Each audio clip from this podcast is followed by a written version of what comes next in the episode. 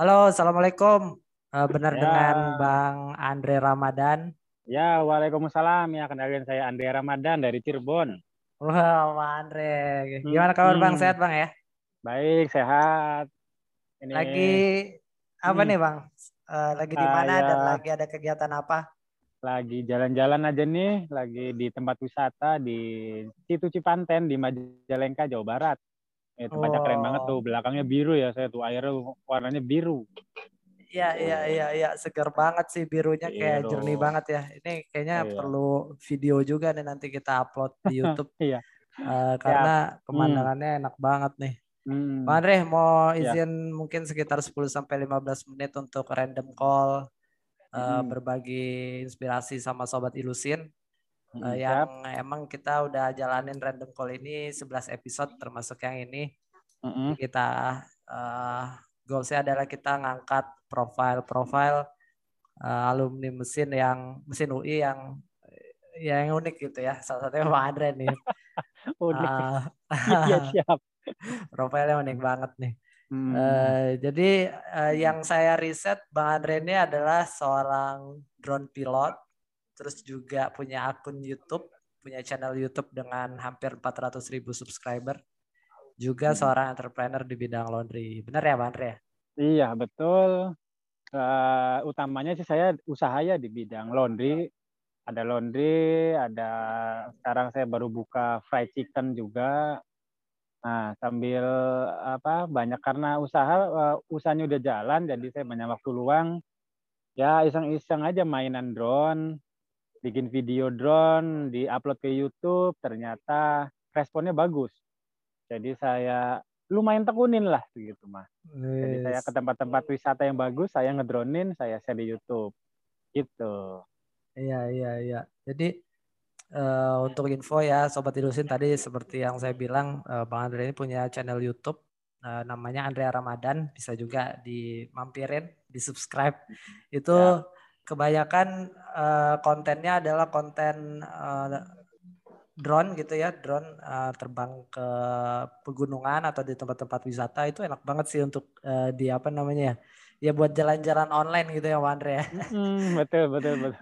Puncak di, gunung online, wisata online, ah, tinggal dari ah. kasur aja bisa lihat wisata-wisata yang bagus-bagus, eh, peng, apa pemandangan puncak gunung itu saya sering iya, iya. eh, upload di YouTube.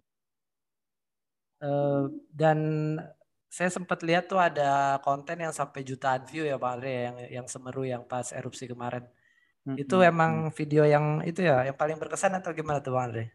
Iya, jadi memang saya subscriber bisa banyak itu dikarenakan momentum video Semeru. Ketika Semeru meletus, bukan meletus, erupsi. Nah, saya upload video tentang Semeru. Dan ternyata view-nya sampai jutaan. Saya juga nggak nggak nyangka ya sampai jutaan. Karena biasanya ratusan ribu lah biasanya maksimal. Ini bisa sampai hampir 5 juta kalau nggak salah. Banyak banget. Ya, ya. Dari momentum itulah subscribernya juga nambahnya banyak. Hmm. Dan sampai sekarang itu Bang ya. Maksudnya sampai sekarang Mm-mm. itu eh, apa namanya bahwa subscribernya Iya, eh, ya. nambah gitu alhamdulillah. Alhamdulillah. Eh, boleh diceritain kan nih Bang, eh, kenapa sih jadi drone pilot nih dari mechanical engineer? Tadi ya apa namanya? eh, seneng jalan-jalan terus dokumentasi Bang ya. Boleh diceritain? Iya.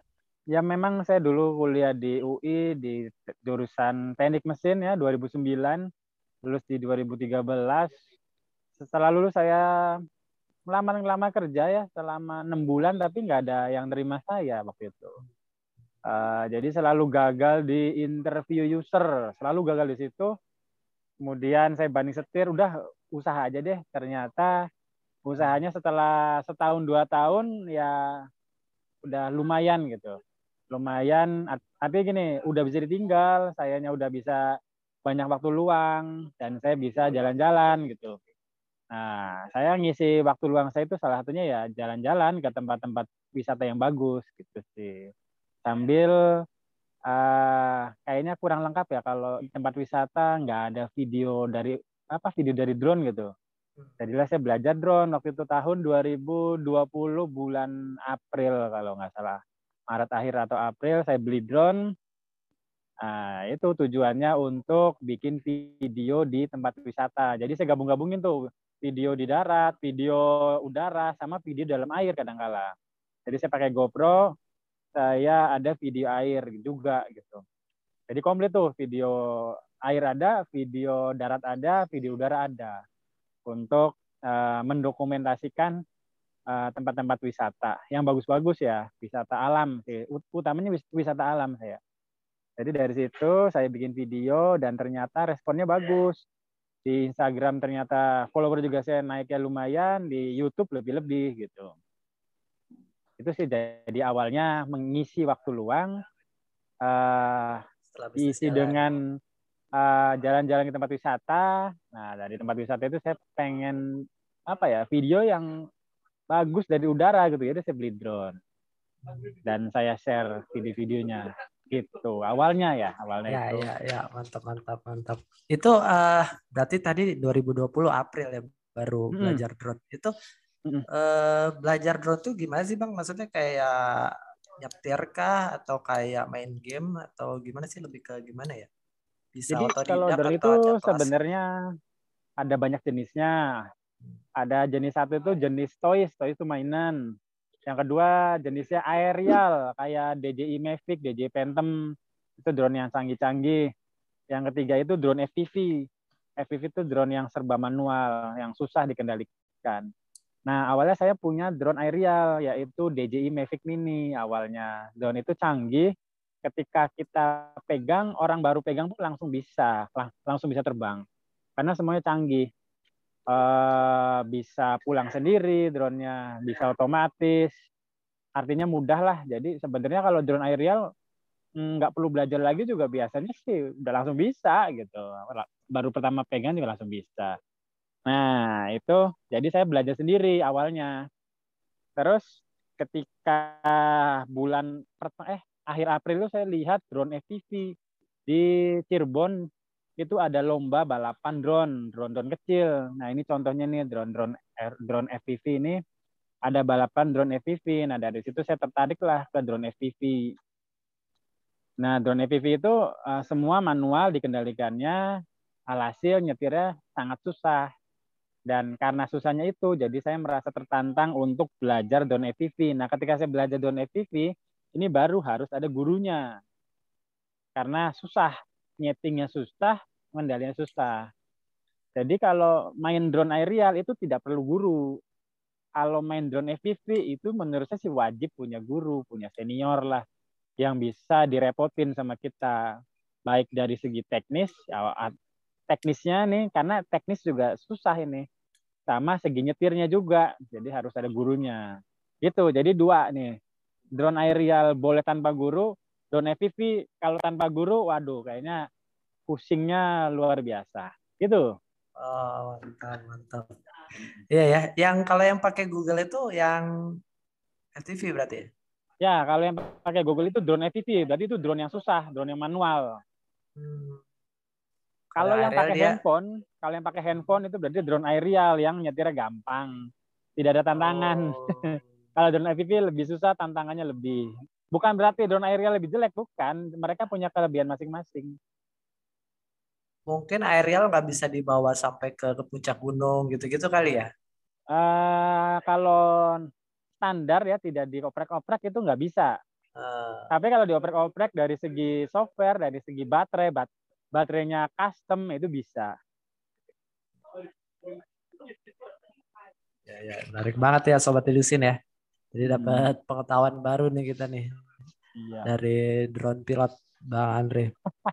Cuma iseng doang sih sebenarnya. Terus sopir tadi... drone saya ngomongnya sopir drone kalau pilot ya memang ada yang bilang drone drone pilot sih cuma ini cuma mainan doang lah begini mah tuh mainan doang hmm. kayak anak-anak tuh mainan tapi bisa ini bang ya bisa bikin channel YouTube yang Ya memang uh, berkarya aja sih salah satunya ya saya berkarya dengan drone. Memang pemain drone FPV itu jarang, jauh lebih jarang dibandingkan drone aerial. Hmm, karena lebih sulit ya, lebih teknis karena lebih gitu ya. sulit. ya. Teknisnya juga sulit, pusing. Pemain lama juga kadang-kala di teknis kadang-kala susah, pusing. Apalagi hmm. yang baru. Aduh udah pusing banget deh. Nah itu lebih ke apa ya bang? Uh, koordinasi kayak nyetir lah ya. Maksudnya kita koordinasi mata sama anggota tubuh atau apa sih yang dibutuhin? Apa perlu uh, feeling juga gitu? Kalau untuk drone aerial mah sebenarnya gampang banget ya. Drone kayak DJI Mavic gitu semuanya canggih kan malah ada yang pakai sensor jadi ketika mau nabrak eh, nabrak tembok itu biasanya dia nggak bisa karena ada sensornya oh. kalau drone FPV ini yang FPV itu yang pakai Google nih yang kayak gini uh itu dia semua manual uh, perlu ketangkasan Oh iya. Perlu iya, iya. fokus, fokus tinggi. Ketika nyetir nggak bisa diajak ngobrol, nggak bisa diganggu. Ya berarti ketangkasan tuh bang ya. Jadi. Iya. Ketangkasan, keterampilan, sama pengalaman juga sih. Kadang ya, karena ini benar. drone FPV ini flight time-nya sebentar. Ini cuma terbang tiga setengah menit doang. Kalau lupa baterai ya bisa jadi drone nggak balik gitu. Misalkan terlalu jauh, uh, kehabisan baterai karena cuma tiga setengah menit doang gitu. Tiga setengah menit? Es, yang drone ini drone saya ini cuma tiga setengah menit. Oh, berarti yang dibawa ke yang di video-video itu bukan yang ini ya? Yang lebih nah, panjang lagi baterai life-nya. Kalau yang lebih besar itu buat muncak gunung itu saya pakai yang lebih besar. Hmm. Itu baterainya pun custom, mesen bikin Uh, jadi beda ya. Kalau ini memang ini buat jarak dekat aja, ini di, buat di tempat wisata karena ini lebih aman nabrak apa nabrak tembok juga nggak apa-apa karena ada propeller guardnya nih, pelindung propeller. Ya, ya, kalau ya, yang ya. drone lebih besar nggak ada biasanya propeller guardnya. Ya kalau yang lebih besar ya bisa bisa lebih jauh biasanya, tapi dengan catatan pakai baterai yang besar juga. Iya iya iya. Hmm.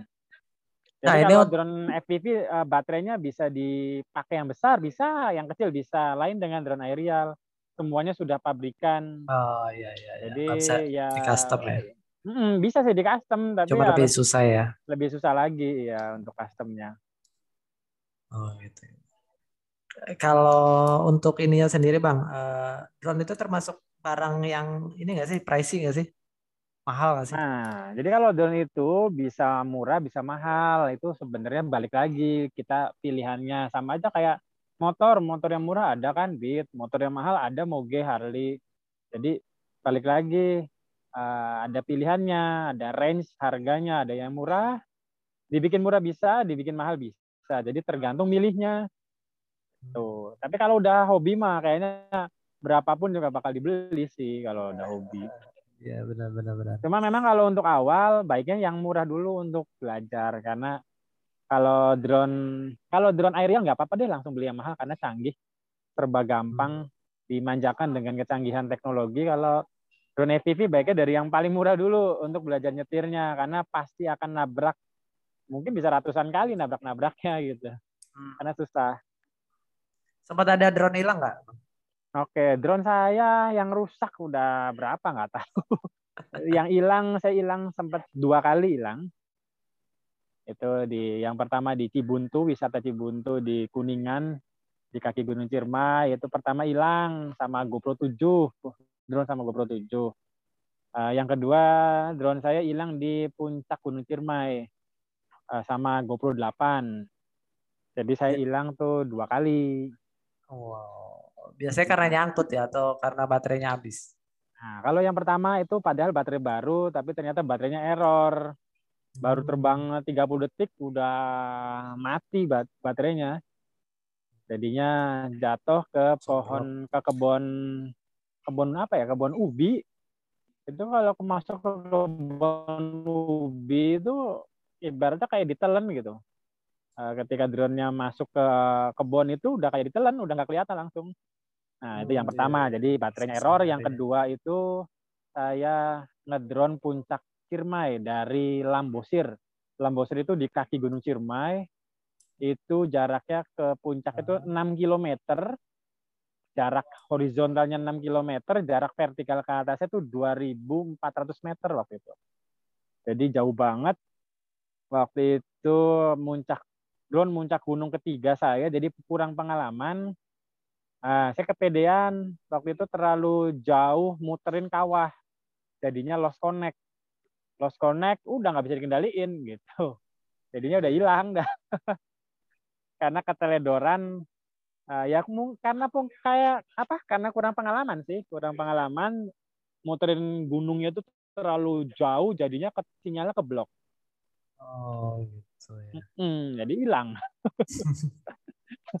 Aduh ya itu ya. salah satu resiko sih sebelum ya, ya, ya.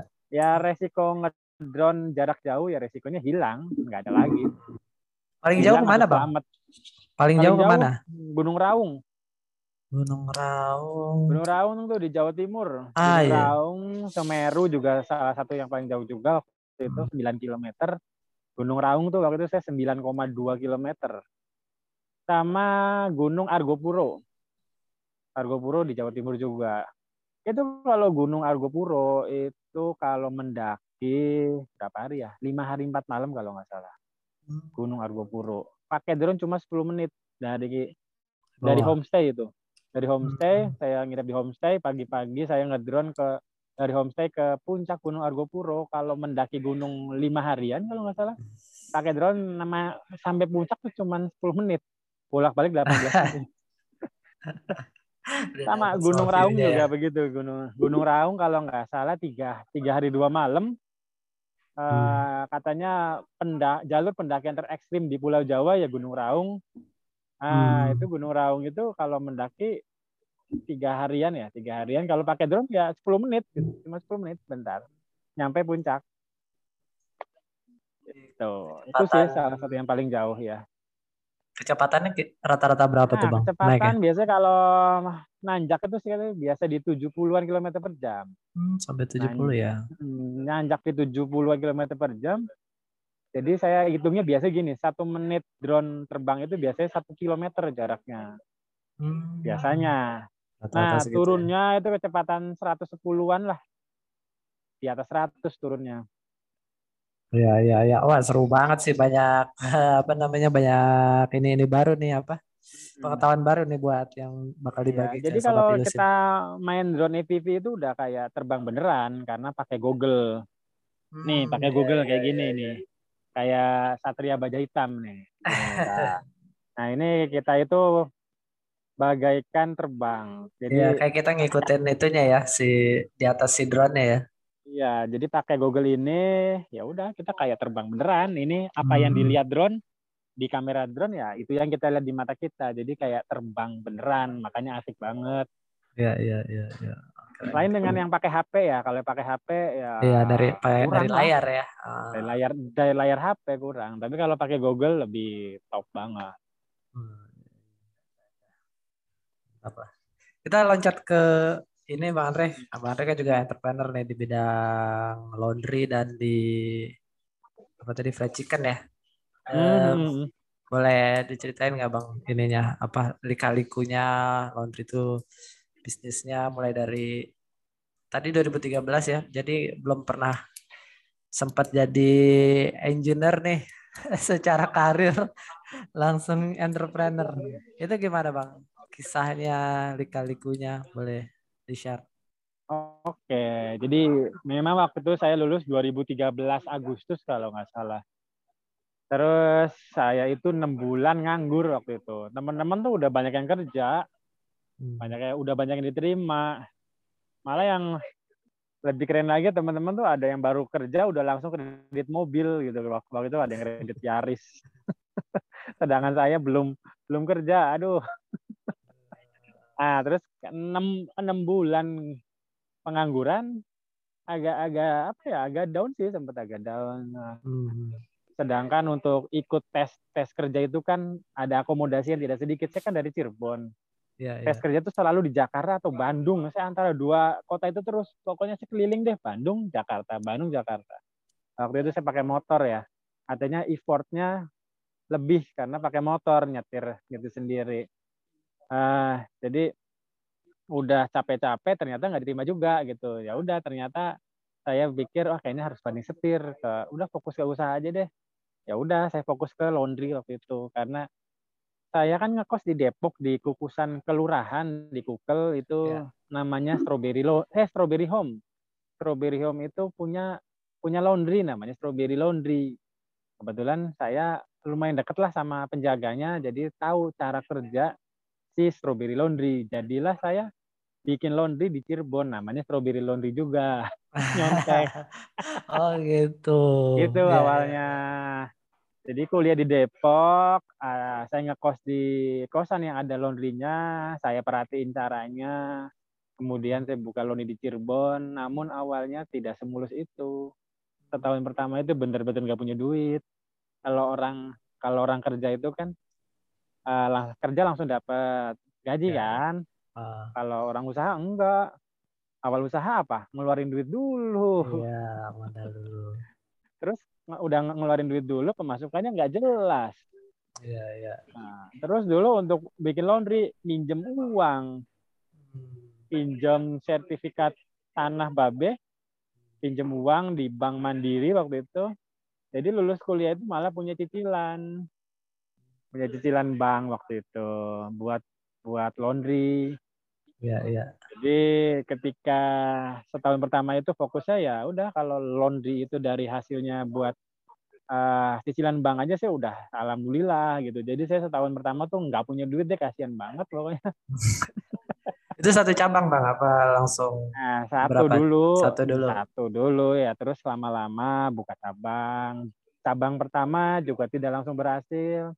Cabang pertama baru buka sebentar udah dimaling orang waktu itu. Hmm ada yang bobol terus barang-barang diambilin barangnya barang saya diambil barang customer juga diambil otomatis saya harus ganti rugi juga tuh yang customer hilang waduh nah Berat. baru cabang selan jadi dari situ yang cabang kemalingan itu saya tutup aja deh udah males deh udah males lihatnya terus tutup terus nah cabang kedua baru lumayan ada ada profitnya gitu gitu sih Siap, siap, siap.